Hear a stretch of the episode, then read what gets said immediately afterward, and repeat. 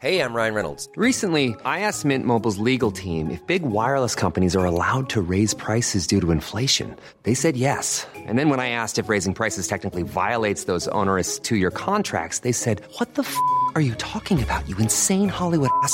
F- So to recap, we're cutting the price of Mint Unlimited from $30 a month to just $15 a month. Give it a try at mintmobile.com slash switch. $45 upfront for three months plus taxes and fees. Promo rate for new customers for limited time. Unlimited more than 40 gigabytes per month. Slows. Full terms at mintmobile.com. Introducing Wondersuite from Bluehost.com. Website creation is hard, but now with Bluehost, you can answer a few simple questions about your business and get a unique WordPress website or store right away. From there, you can customize your design, colors, and content. And Bluehost automatically helps you get found in search engines like Google and Bing.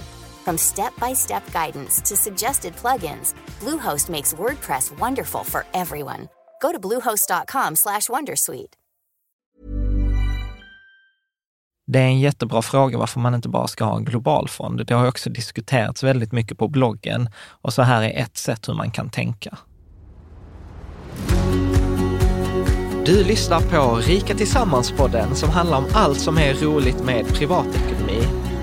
I den här podden får du varje vecka ta del av konkreta tips, råd, verktyg och inspiration för att ta ditt sparande och din privatekonomi till nästa nivå på ett enkelt sätt. Vi som gör den här podden heter Jan och Caroline Bolmesson.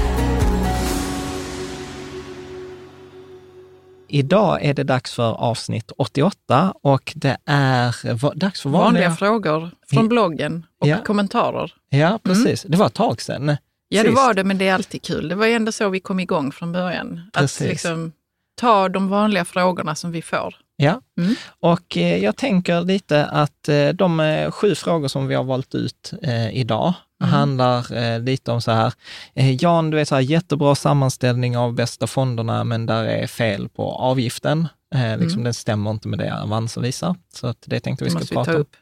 Mm. Eh, precis. Vad står här på nummer två? 75 år och har 10 miljoner kronor? Frågetecken. Ja, precis. Vad ska man göra? Liksom, hur ska man resonera? Om man kanske inte har de här 10, 15, 20 åren Nej. eh, på Nej, sig. precis. Så att det är nummer, nummer två. Det andra Mm. som vi kommer titta på, det är rätt intressant fråga som har blossat upp på bloggen de senaste två veckorna efter eh, då vi har pratat om fondrobotar och den här intervjun med professorn från Handelshögskolan. Mm. Det vill säga varför inte bara ha en global fond om man ändå inte kan förutsäga marknaden. Mm. Eh, och den fjärde frågan är så här, Den handlar om rimlig amortering. ja precis, Ja. vad är en rimlig amortering? Ska Mm. man amortera? Lite resonemang kring det. Mm. Och eh, sedan eh, hur Ett av dina favoritämnen här. Ja, precis. Än med att spara till alla barnen i samma kapitalförsäkring eller ska man eh, sprida ut det? Ja. Eh, liksom- Vad är tankarna där? Ja, precis. Och eh, de två sista frågorna handlar om, Hur mycket man ska ha placerat i Sverige? precis, alltså så att om man har, hur stor exponering ska man ha mot Sverige i sin, i sin portfölj? Ja, och sista frågan då. Mm. Eh, Lysa eller globalportföljen? Ja, precis. Mm. Så att eh, ska man ha en fondrobot eller eh, liksom ska man ha globalportföljen? Hur, hur, Mm. hur kan man eh, tänka? Mm. Och eh, idag så tänker jag att det blir ingen sån här exekutiv sammanfattning, för då blir det liksom typ att vi svarar på frågorna, så vi tar Ja. frågorna i den här ordningen.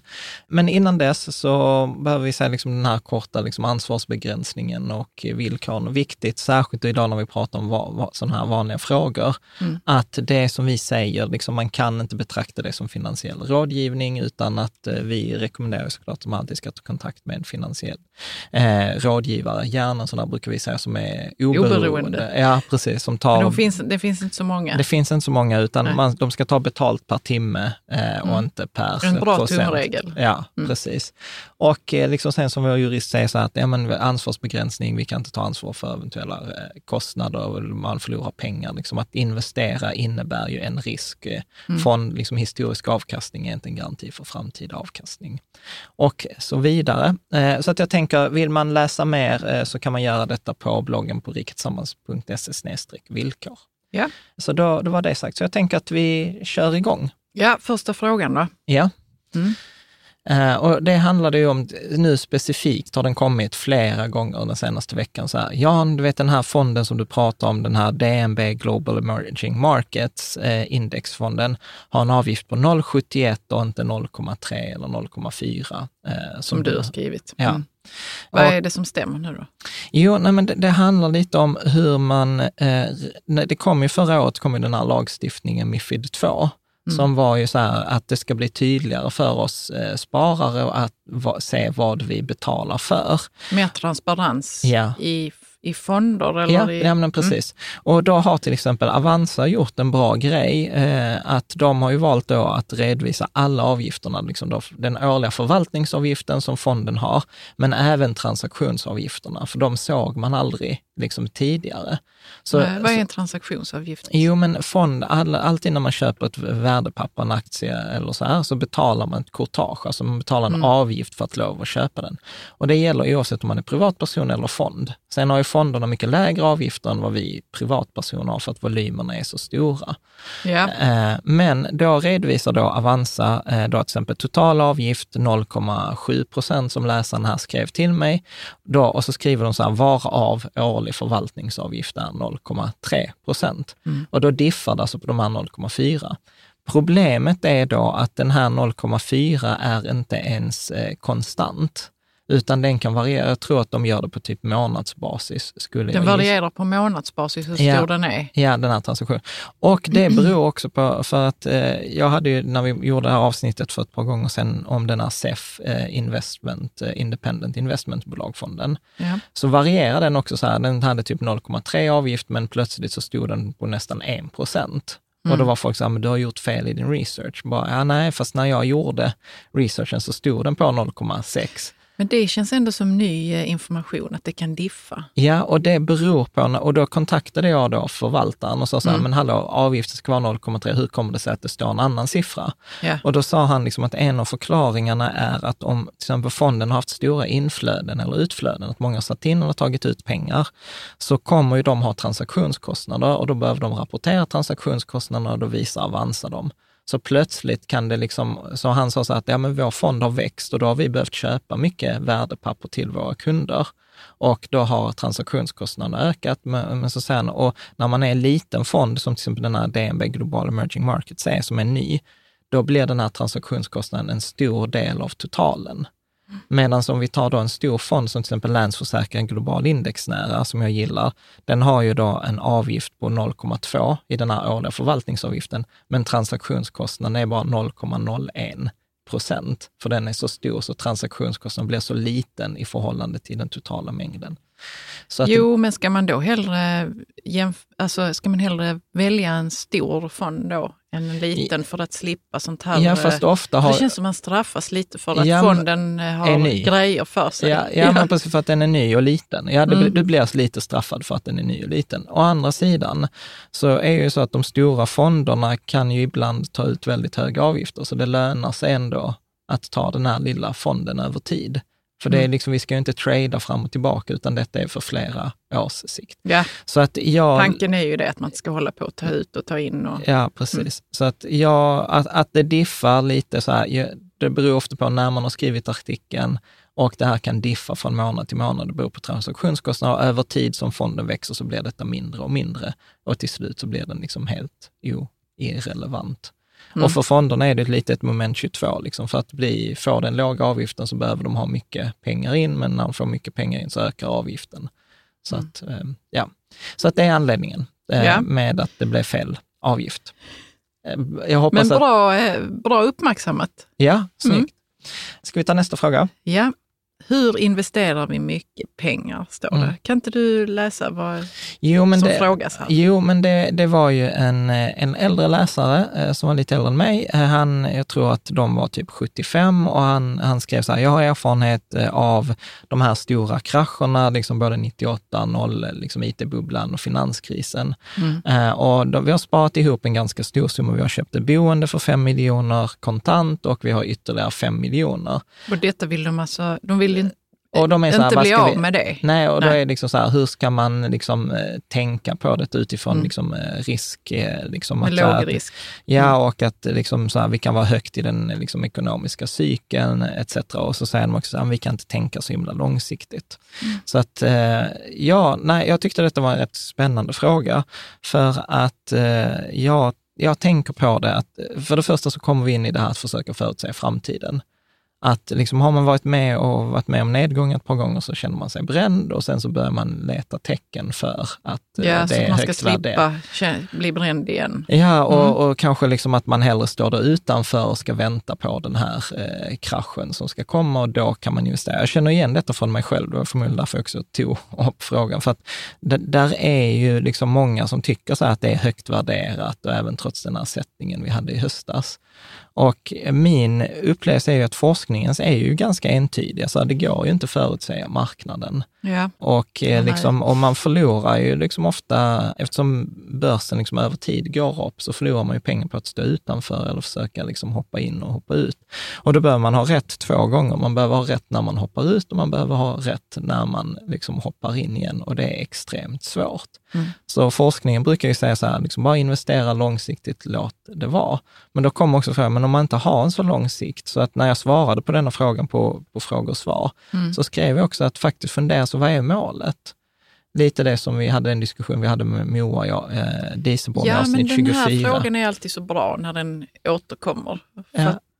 det blir sånt stort fokus på pengarna och man vill inte riskera dem och sånt. Så att det Mm. liksom tar upp allt space. Ja, Men när man väl frågar sig, okej, men vad är målet med pengarna då? ja, ja, precis. Så tar det ner eh, hela frågan till jorden tycker jag. Ja, precis. Nej, så att jag, jag skrev faktiskt alltså, att detta är ju mycket pengar och de säger så här att vi kan dessutom leva på de pengarna vi får in vid sidan, så vi behöver inte ens de pengarna. Så jag sa så här, men fundera på om de ska gå i arv eller till en stiftelse eller om de ska konsumeras. Liksom. För att om de ska gå i arv, ja då kanske man har en lång tidshorisont, även om man kanske inte ser sig själv att man kommer bli ytterligare 25 år gammal. Nej. Men kanske Men pengarna, pengarna- kan vara 25 år, att där pengarna kan ju liksom jobba i generationer. Så att det var en Mm. Det är tanke. rätt häftigt ändå. Ja, precis. Man har ändå ett legacy. Ja, Man har lite eller pengar. Jag har en kompis eh, som skrev till mig här, här veckan, bara, Jan du det är skitkul, du vet för att starta en Nobelstiftelse behöver man bara en miljard. ja, jag var så här, okej, jag vet att människan har mycket pengar. Men vet, för honom var det en stor liksom, grej så här, att det var inte mer än en miljard. Liksom. Så att, men jag menar, det finns ju många stiftelser som är betydligt, betydligt mindre som kan göra skillnad i alla fall. Mm. Så att eh, jag gav honom även eh, det klassiska rådet, liksom så här, prata med oberoende finansiell rådgivare. Eh, där brukar vi rekommendera Henrik Tell på effektiv förmögenhetsförvaltning, eh, som har varit med i flera avsnitt, och eh, Alexander Arnbäck på Lyra och eh, VM, eh, Lyra Wealth Management. Och sen så sa jag så här, men vet du vad, ta kontakt också med, med en coach, eller som med Moa då, som jag skrev, som, som sa ändå liksom målet för många av oss med pengar är ändå att vi ska konsumera dem förr eller senare och gärna i linje med våra värderingar eller drivkrafter. Eller, Mm. liksom. Och det är inte alltid man har koll på vilka de är. Nej, nej. Så det kan man få hjälp med att Ja. lista ut. Ja. Nej, men som till exempel för oss, jag, i, i mina dåliga stunder så vill jag köpa en ny bil. Liksom. Men vad är det för dåliga stunder egentligen? Var, var befinner du dig då? Ja, men jag vet inte. men det är inte mitt stora, ja, precis, det är inte mitt sanna jag eller mitt stora jag vill inte ha en ny bil. Nej. Men, men Nej, jag, det var jag- fint jag- sagt, ditt stora jag. eh, Och vi liksom- har alla ett, det, Ja, ett sånt. men liksom så här, Mm. utan det är mitt signifikans, eh, liksom så här, ställa en bil på uppfarten så att det ser ut som att det går bra. Ja. Men medans, min poäng var så här, vad vi egentligen gillar är ju som nu till exempel när vi ska åka till Italien med, med min mamma ett par dagar, att det är ju mycket mer i linje ja, det är med mer i linje med våra värderingar. vad vi vill, Mm. vad vi vill göra. Så att det tror jag att man ska fundera på, eh, Mm. särskilt om man är lite äldre och liksom så att man har eh, en summa. Liksom. Mm. Bra. Och då går vi vidare till fråga nummer tre. Ja. Varför bara inte en global fond? Har du skrivit. Ja, Ska jag läsa frågan? ja, du kan läsa sammanfattning typ. Ja. Ja. Jag undrar om vi inte gör det svårt för oss själva genom att hålla på med en massa olika fonder och fördelningar, småbolag, olika regioner och tillväxtmarknader och så vidare. När vår filosofi här på Rika Tillsammans ändå går ut på att vi inte kan förutspå marknadens rörelser. Vore det inte bäst att bara köpa en enda global indexfond? Att köpa exempelvis 10% Asien eller 20% Sverige som många gör här tror det ju bara vara ett sätt att spekulera att de marknaderna kommer att gå bättre än global index. Mm. Det är ju en jättebra fråga. Det är en superbra. Jag älskar att de skriver så här, vår filosofi på Rika Tillsammans. Ja. Jag, blev Ja. så glad när jag läste det. Jo, och detta var en jätteintressant diskussion också på frågor. Jag kommer ju länka Mm. i avsnittet till frågan så kan man läsa hela diskussionen. Eh, så att eh, jag, jag tänker egentligen eh, två grejer, särskilt efter det avsnitt 87 med professor Paolo Sodini. Han var ju ganska, vad ska man säga, blunt. Eh, Eller Ja, rakt på sak. rakt på sak, ja. Han, och han sa ju så här, att eh, tittar man på studien, till exempel den här KPM-studien, eh, så säger den att så fort du tiltar ifrån världsindex, alltså så fort du väljer något annat än en global indexfond, så introducerar du en idiosynkratisk risk, vilket, ja skitsam, vi behöver inte gå in på vad det är, men du introducerar i alla fall en, Man introdu- introducerar en risk. nej, man introducerar en risk som man inte får betalt för Ja, okej. enligt Mm. studierna. Mm. Eh, vilket då eh, liksom leder till att man inte borde göra det utan hålla sig till den här globala indexfonden. Så att det var hans eh, liksom, eh, grundläggande eh, syn. Och eh, tittar vi, tittar vi liksom på, sen pratade vi om det här med liksom att, okej, så ta Sverige till exempel. Där finns en viss logik bakom att lägga till Sverige i portföljen. För Om vi- man bor i Sverige. Ja, eh, precis. Och då var det en annan eh, Ingvar, en läsare, som skrev så här också väldigt klokt. Alltså eftersom vi bor i Sverige så vill vi ju, liksom, om vi ska konsumera i svenska kronor, så makear det sense. Alltså att eh, Det är eh, det är rimligt. Det är rimligt att ha då upp till kanske 10-20 procent i Sverige. Men då också när jag pratade med professorn om det här så sa han, liksom, nu, nu ska jag bara säga så att jag, detta är inget citat, rätt. utan, utan detta är min upplevelse av vad han sa. Ja. Då, var, då sa han också att det, det är rimligt att göra det i slut när man ska plocka ut. Att då kan det vara liksom en, en idé att tilta mot, eh, att liksom, ja men tilta portföljen mot Sverige i slut när man ska börja plocka ut pengarna. Men i början när man bara ska bygga upp, eh, liksom säga att de här tio åren, så de första åren borde man inte ha det i Sverige utan ha det globalt. Utan eh, det kan man göra senare. Och, och, och det är också för att problemet med global index är ofta inte valutasäkrat, utan det är ofta i US-dollar och då, Mm. då har man också en, en valutarisk. Men över tid så är valutan neutral.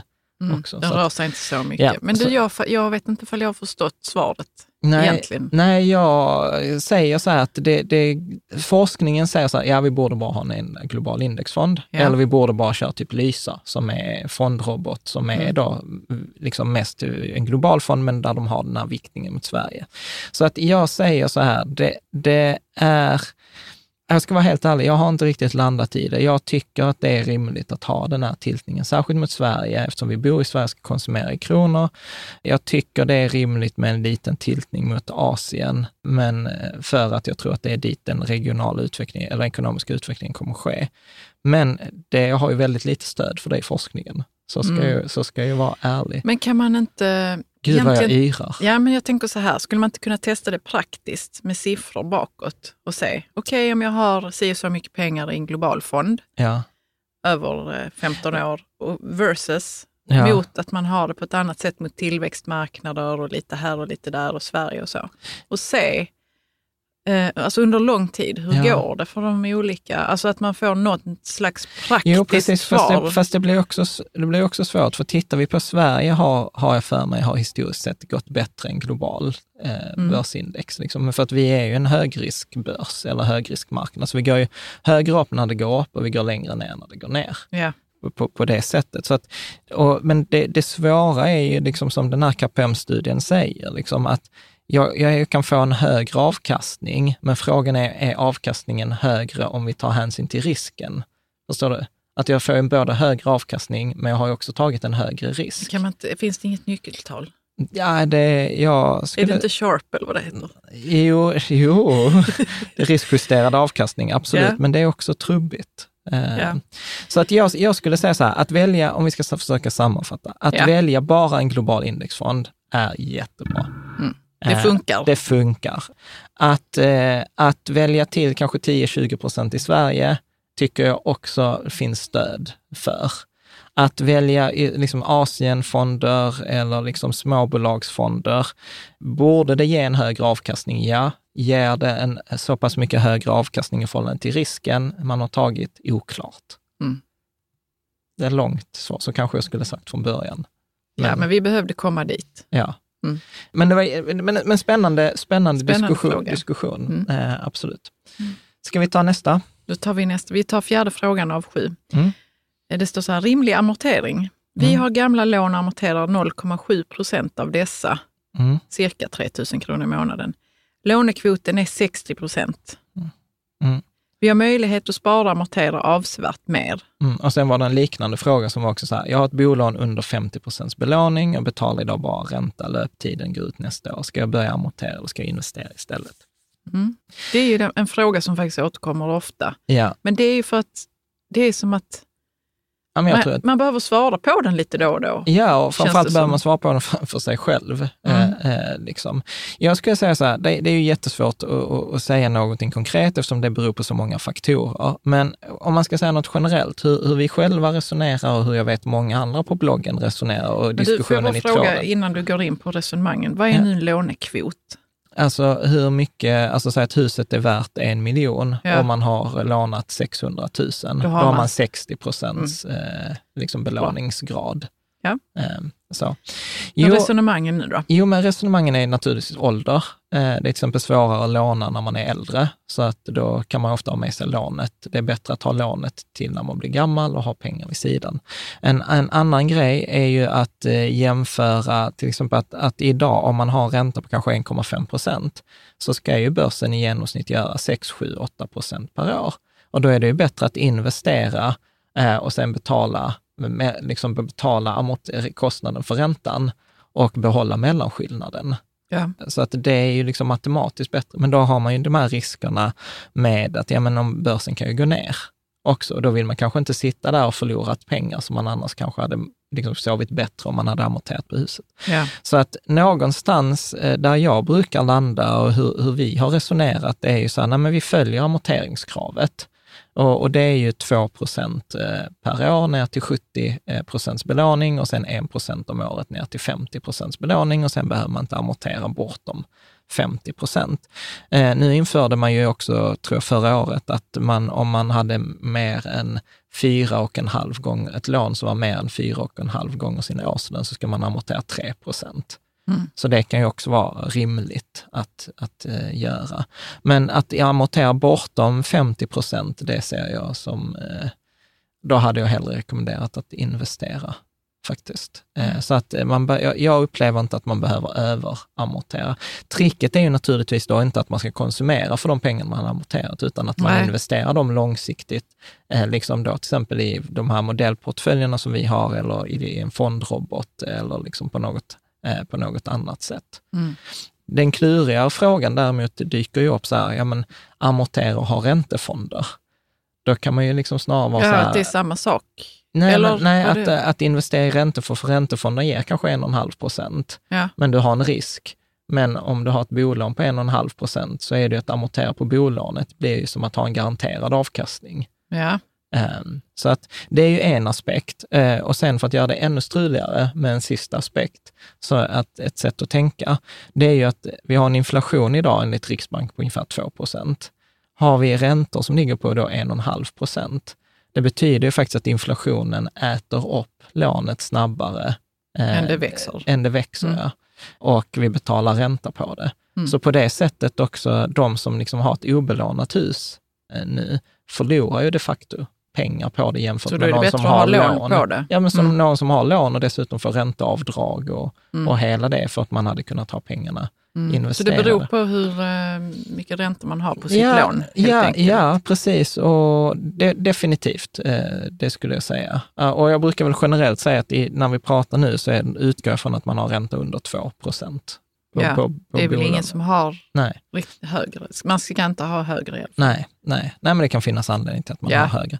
Ja. Men, eh, och sen, och sen eh, det, det sista skulle jag också säga, apropå rörlig eller fast ränta, att rörlig eh, ränta är ju det som historiskt sett alltid har varit mest lönsamt, eh, alltså det som har varit lägst. Eh, Han professorn i avsnitt 87, han pratar också om att eh, det är ett skydd mot inflationen, liksom för räntan följer, den rörliga räntan följer inflationen.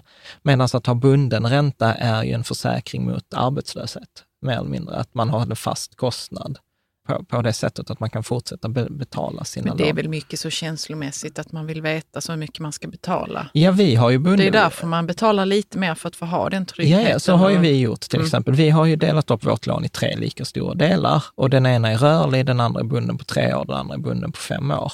Och det är mest bara så här, ja, det, det är inte det mest ekonomiska, det är inte det mest lönsamma, men det ger en god natts sömn, för vi vet vad våra räntekostnader kommer vara de kommande fem åren Mm. i, i, stora, i stora drag.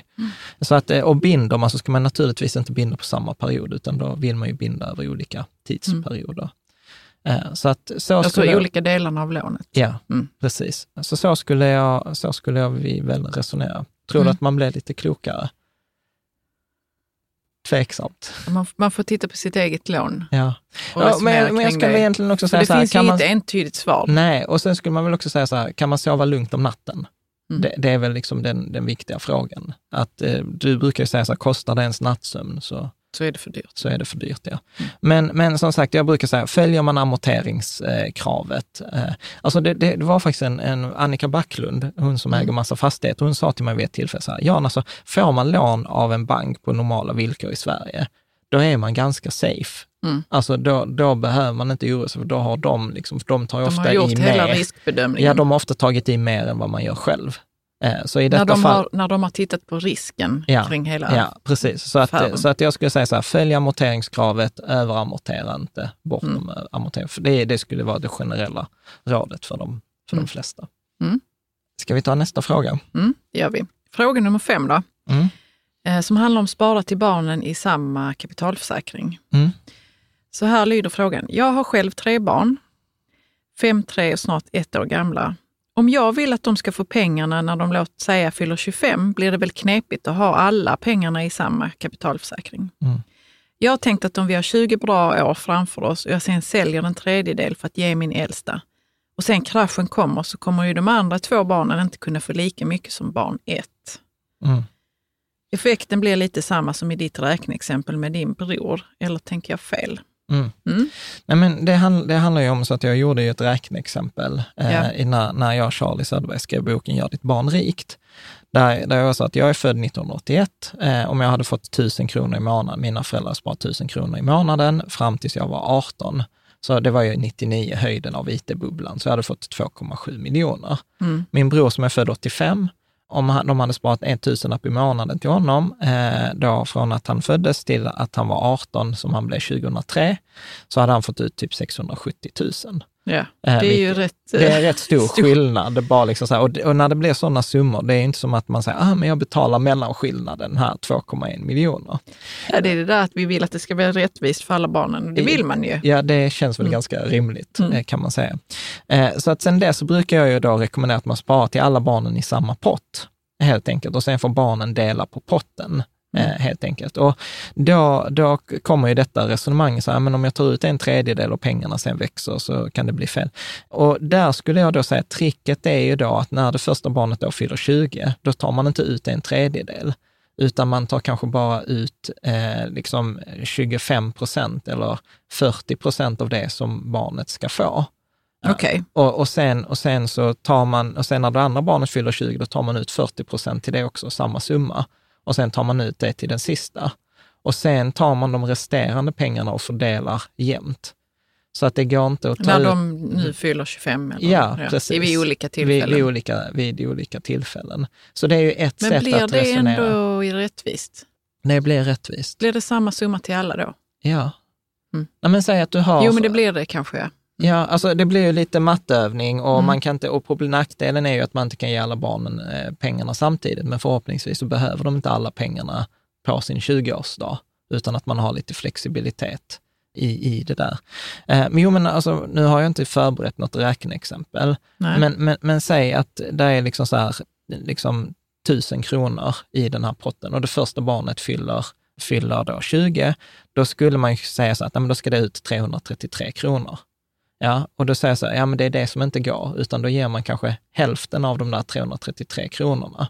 Att man ger dem bara 160 kronor. Mm. Och sen när det andra barnet fyller, då får det också 160 kronor. Mm. För då För det finns, finns för, det då finns det ju pengar. Och sen Mm. när det tredje barnet fyller, då får det också 160 kronor. Och då har de bara fått ut 480 och sen använder man resterande pengarna för att fördela till alla tre. Så det är så jag Mm. tänker mig det. Sen får man ju naturligtvis titta, är det praktiskt möjligt eh, etc. Och sen kommer det aldrig bli helt eh, Mm. liksom rättvist. Eh, Men sen skulle jag också säga att när det gäller de barnsparande, särskilt då eftersom det är långa tidsperioder, alltså det är upp till 17 år, Ja. då skulle jag också säga så att överspara inte till barnen. Alltså att om man, om man då bara skulle spara, tror jag tror att du räknade på det, så att på 18 år så är det ju 180-ish mån, typ 200 månader. Säg att man sparar 1000 lapp, då är det ju 200 000. Ja. Och då har vi inte räknat någon ränta alls. Räknar vi en ränta på kanske, jag tror det var 8 procent i 18 år, så blir det över en halv miljon kronor. Och en halv miljon kronor, jag påstår att det är för mycket. Utan i boken, när vi gjorde då research och pratade med psykologer och ekonomer och massa sådana, så kom vi Vi fram pratade ju till... med människor som har tjänat mycket pengar under Ja. sin egen... Ja, och de flesta sa ju också så här, hade jag fått mycket pengar när jag fyllde 18 så hade jag, hade jag varit fattigare än vad jag är idag. Jag menar att de inte hade haft samma drivkraft. Till exempel. Så att det är björntjänst. På det viset. Ja, så att på det sättet kom vi väl fram till att någon, någon, någon liksom summa där är ju 200, 200 000 ish, något liksom genomsnitt.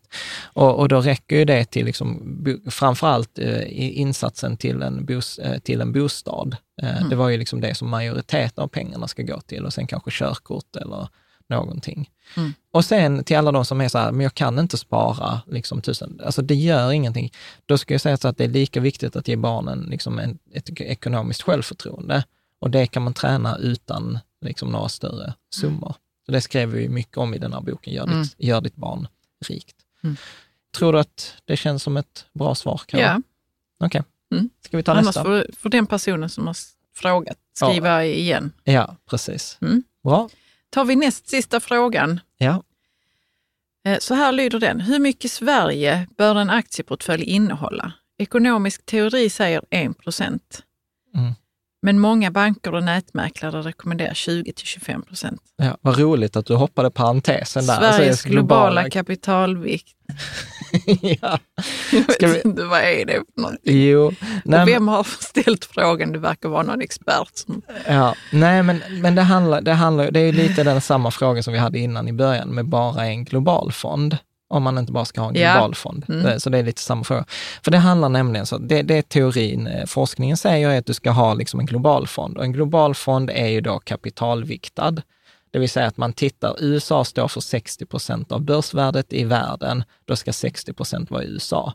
Och då tittar man så här, hur mycket står Sverige för i den totala börsen? Liksom så här, om vi tog liksom alla, liksom alla länderna, alla aktiemarknaderna, liksom chippade in alla sina pengar, hur mycket av värdet skulle Sverige chippa in? Och då är det 1 procent. 0,8. Eh, Ja, okej. till och med 0,8. Så Sverige står för väldigt lite. Så ska man enligt forskningen gå då, då ska man ju inte ha mer i Sverige än, än 0,8 procent. Nej. Och då är vi tillbaka på diskussionen i början av avsnittet. Så eh, hur mycket ska man ha? För att så här, holländska börsen är ju lika, ungefär lika stor som den svenska. Men det, vi har aldrig haft en fråga, en diskussion så här, bara, eh, du vet, ska vi inte köra 20 procent i Holland på den holländska börsen? Nej, Det- men det är för att vi inte bor där ju. Nej, och, och, och om anledningen är bara för att vi inte bor där så är det ju ingen bra anledning. Det är ungefär som Sverige, alltså odds. Detta är, jag har ju haft kompisar som jobbat på liksom, eh, bettingbolag och de säger så här att de enskilda länderna, alltså Sverige, har oproportionerligt många som när det är fotbolls-VM satsar på att Sverige ska vinna fotbolls-VM. Men så är det väl för alla, alla länder? Exakt. Ryssarna satsar på att Ryssland vinner. Ja, det är klart. Och- och- någon måste ju förlora, eller det är rätt många som måste förlora. Ja. Så också på Ja, aktiemarknaden. precis. Så att, så att eh, där är det ju, detta är vad man kallar för home bias. Och väldigt många har ju bara svenska aktier, till exempel, investerar bara i Sverige. Eh, och det gör ju inte vi, utan vi har ju alltid mycket lutning globalt. Men då, och, då, då skulle liksom, forskningen säga 0,8 procent. Eh, till- sen kan man argumentera för, så som vi gjorde innan, att vi bor i Sverige, vi vill ha en upplevelse av hur det går för marknaden, vi ska handla i Sverige, vi har, vi har inte globalfonderna inte eh, i svenska kronor etc. Så att jag skulle säga att det finns väl ganska solida bevis för att kanske 10 till 20 procent. Så att jag tror att de här nätmäklarna som rekommenderar 20 Men alltså, 25, det det är är ju inte långt. jättemånga gånger fler än vad man egentligen kanske skulle. Absolut. 20 gånger mer. Ja, absolut. pengar i ja, Sverige. Men då ska man ju ha resten i de här globalfonderna. Så att på det sättet. Så att jag, jag tycker att det finns, eh, man kan argumentera, eh, på ett sätt kan man argumentera för 0,8 och på ett annat sätt kan man argumentera för 10 till 20. Jag, jag brukar landa i där 10 till 20 eh, procent för att dessutom är ju då Sverige en, en högriskmarknad. Eh, vi går liksom upp mer när det går upp, vi går mer ner när, vi, när det går ner. Och jag tror att eh, det, det kommer göra portföljen liksom högre, ge högre avkastning. Mm. Men sen har vi då återigen den springande frågan, så motiverade risken. Ja, Får jag så mycket precis. högre avkastning från den till risken? Och där, där känner jag inte att jag kan svara. Och Nej. det är kanske så att vi får bjuda tillbaka professorn och se om han vill svara på den frågan, eller om det är någon läsare som kan hänvisa till någon studie eller något Mm. sådant. Grymt. Ska vi ta eh, sista? Allra sista frågan. Mm. Eh, vilken hade ni valt till barnspar och pension? Lysa eller Globalbarnportföljen? Mm. Och Va- Lysa är ju en, en fondrobot. Ja, precis. Nej, men jag skulle, här skulle jag rekommendera, jag tror det är avsnitt 86, eh, Mm. där vi går igenom fondrobotarna. Och jag skulle säga så här, idag är fondrobotar, framförallt Lysa då, jag gillar ju Opti eh, också. Och vi har ju, det ska jag också säga, så vi har så sponsrade länkar till dem, Mm. men de har ju liksom inte sponsrat detta avsnittet. Men eh, de, till exempel Lysa påstår jag, de gör en portfölj som är minst lika bra eller till och med bättre än globala barnportföljen. Ja. Det skulle jag absolut säga. Eh, De, har, de kommer åt fonder som inte vi kommer åt och avgiftsmässigt så tar ju de 0, typ 0,3 procent. Men eftersom de har bättre och billigare fonder så går det på jämnt ut. Så att jag skulle säga att det är två ganska ekvivalenta eh, alternativ. Men hur gör man för att, eh, om man går in på Lysa och tänker nu ska jag ha en global barnportfölj här. Mm, så det är det enda, det enda man gör då, då blir du kund eller sätter upp en portfölj och sen väljer du 90-10. För det är Ja. det globala barnportföljen är. Ja. Eh, Det är ju 90-10 fördelning mellan 90 procent aktieindexfonder och 10 procent räntefonder. Eh, Så att jag, jag, alltså, och jag, jag kan ju vara ärlig hur vi har gjort. Alltså vi har ju faktiskt hälften, om vi tittar på våra döttrars sparande, så hälften är hos Lysa och hälften är i globala barnportföljen på, på Avanza. Där är ju lite, man kan göra lite ändringar i globala barn. Lysa har ju till exempel inte guld i, i sin portfölj, vilket jag gillar, men det är också så här, eh, vad säger man på engelska, så här, verdict is out there. Alltså, där, liksom Vad, vad betyder det? Nej, men verdict is, ja, men det verdict is out there. Ja, men okej, då kanske till och med säger det fel. Nej, men jag, jag tänker att det finns inte något entydigt svar. Så här, ja, men portföljen eh, blir, vissa tycker att portföljen blir bättre med guld, att det finns viss forskning som tyder att den riskjusterade avkastningen blir bättre, särskilt i en nedgångsperiod. Man kan visa att i 98 procent av fallen då aktier går ner, går guld upp. Å andra sidan lutar Lysa sig på en annan forskning som säger så här, all tiltning från eh, det globala världsindex, världsindexet in, eh, tillför bara en risk som du inte får betalt för. Mm. Eh, så att jag skulle säga att det, man kan inte säga så att det är rätt eller fel. Och, och båda det som man kan säga är rätt eller fel, att ha en stor exponering mot den globala aktiemarknaden med de här billiga globala indexfonderna, inte försöka förutsäga framtiden, månadsspara. Allt det är ju samma för båda, båda portföljerna. Så att jag brukar säga så här, vill du vara lite engagerad i ditt sparande, du tycker det är kul, eh, sånt, då säger jag så här, gör hälften hälften, alltså hälften Lysa, hälften själv och tävla. Det är en jättebra idé, liksom så här, tävla de här två portföljerna mot varandra. Vad du bara skrattar. Nej, men jag tänker, när du säger tävla så tänker jag så då, då ska man in där och pilla och liksom Nej, man ska inte pilla. och sånt där. Man kan kolla vilken som går bäst. Ja, Så. ja, precis. Ja. Är man så att, nej, jag vill bara göra en bra grej, jag vill inte lägga tid på det, ja men ta Lysa Mm. och glöm, glöm bort det. Bra. Grymt. Så att det var eh, alla uh, läsarfrågorna. Och det, är egentligen så här, bara fortsätt, ställ frågor. Alltså jag tittade i, i, in, innan idag, alltså det här är över 3000 frågor Ja. på bloggen som har ställts de senaste, och vet du vad? Det är över 4, 4700 svar. Mm. Ja, Jag tycker det är helt fantastiskt. Jag vill verkligen så tacka, liksom, jag vet det är vissa så här Ingvar och Robin och CL och Jack och Jack 77 och liksom, det är många. eh, Nestor och Nestor, eh, precis. många som är duktiga på att svara och ge fina och bra svar. Ja, Mm. så att jag verkligen jag uppskattar det liksom supermycket. Mm. Det är långt bättre än förväntan. Mm. Och har du frågor så naturligtvis bara riketillsammans.se frågor kan man gå in på. Eh, snyggt. Jag tänkte, eh, vi ska faktiskt säga någonting här, Fika tillsammans. Ja. Det var ju ett experiment vi började med hösten 2018, Ja. eh, som var ju då att liksom man träffas en after work en kväll och så liksom har man ett kort föredrag, vi har bjudit in någon av gästerna som har varit med i poddarna Mm. och, och sen så är det en, eh, liksom en frågestund där man kan inte liksom fråga till gästen eller till mig och på de tillfällen du är med så kan man få ställa frågor till dig också. Mm. Och det har ju varit, alltså på sätt och vis succé. Alltså Mm. det har varit över typ 100 pers. Alltså jag hade aldrig i min vildaste fantasi trott att det skulle vara så många. Men det, du trodde det skulle bli litet. Ja. Ja, precis. Jag tänkte ändå fika tillsammans. Eh, men det, det, alltså det är så mycket jobb så att jag, jag kan liksom inte motivera för mig själv att lägga ner all den tiden. Och, Nej, det blir rätt mycket, tar mycket tid. ja. Jättemycket jobb. Och Mm. särskilt Även när om det, det är mycket trevligt. Ja, Mm. och särskilt när det bara kostar 300 kronor så är det liksom Mm. ingen vinst, utan tvärtom. Jag tror så här pinsamt att liksom så här blogg, ekonomibloggare och så går man back på, på sina fika tillsammans-tillfällen.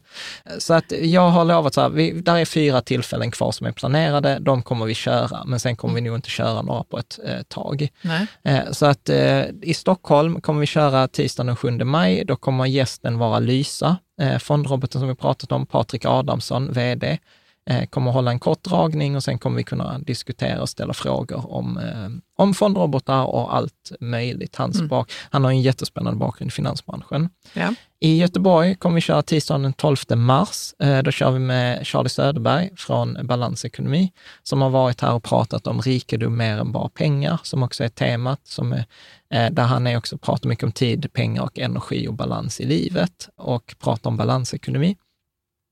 Torsdagen den 9 maj kör vi också Göteborg, så Göteborg har två tillfällen här, Mm. medan Malmö och Stockholm bara ett. Eh, då är det Erik Strand från Pacific Fonder eh, som kommer att prata om då den här eh, guldfonden som han har. Han har ju varit med i tidigare avsnitt, pratat om vad är pengar, Ja, möjligheten, stycken. Men möjligheterna han är så himla duktig på att förklara e- enkelt, tycker Ja, jag. Ja, precis. Saker som kan vara komplexa. Ja, precis. Jag tror han har någon ny idé för något nytt poddavsnitt. För han, jag fick ett mejl av honom häromdagen som bara, du kan vi inte prata, jag har en idé. Jag bara, så att, jo, det, ja, det kanske Ja. kommer ett eh, nytt avsnitt. Mm. Så han 9 maj i, eh, i Göteborg och sen det sista tillfället i Malmö, det blir den 7 mars och då blir det Trine Ja, kul. faktiskt, om hållbart sparande och klimatsmart sparande, Mm. deras solpaneler i, i då, runt om i världen. Nu är det inte längre bara Afrika. Nej, Så att eh, jag tror att Hanna och kanske någon till kommer. Eh, från Train. Ja. Eh, Och eh, vill man boka sin plats, då gör man det på rikatillsammans.se snedstreck fika tillsammans. Eh, Så att det är en, eh, ja, sista, sista tillfällena Sista för, för, för 2019. Hur många platser är det på varje? Ja, typ 100. Mm. För grejen Sen tar är, de slut. Ja, nej, och det handlar helt enkelt om att det finns inga lokaler som vill servera liksom mat, after work-buffé och projekter och sånt till 100 pers. Nej, alltså det är su- det. supersvårt. Ja, det var nog om fika tillsammans. Kommande avsnitt, eh, Mm. det vi har planerat är eh, en uppdatering av nybörjarportföljen. Jag känner att jag tittade på videoklippet för, vi, eh, för nybörjarportföljen och eh, ville ta fram skämskudden. Så att då är det dags för en uppdatering. Och eh, sen kommer vi prata, har vi ett avsnitt om två veckor, lite drygt, med Charlie Söderberg, där vi kommer prata om ekonomisk frihet och det här FIRE, den här tendensen. Live fast, die young, höll jag på att säga. det var det inte. Gud, jag aldrig kan komma på vad det står för. Ja, financially, Financially in- rich. Nej, independent, retire early, tror Ja. jag att det var. Att Och- man ska bli rik innan man Ja, är 40. och eh, vi diskuterar, alltså så här, vi, vi uppskattar verkligen det här ekonomiskt, för det har varit ett av våra mål jättelänge. Däremot så har eh, jag ju en viss beef med det här att man ska liksom svälta sig till framgång. Vilket, det verkar Charlie också ha. Ja, så Ja, att eh, Det det, kommer bli skoj. Ja, så det är avsnitt eh, 90. Mm. Det, kan vi, det kan vi hitta redan eh, nu, för det, det är färdiginspelat. Mm. Ja, men grymt. Och då återstår vi egentligen bara att säga så här, tack för idag. Ja, och, tack för idag. och hoppas att vi ses nästa söndag. Mm.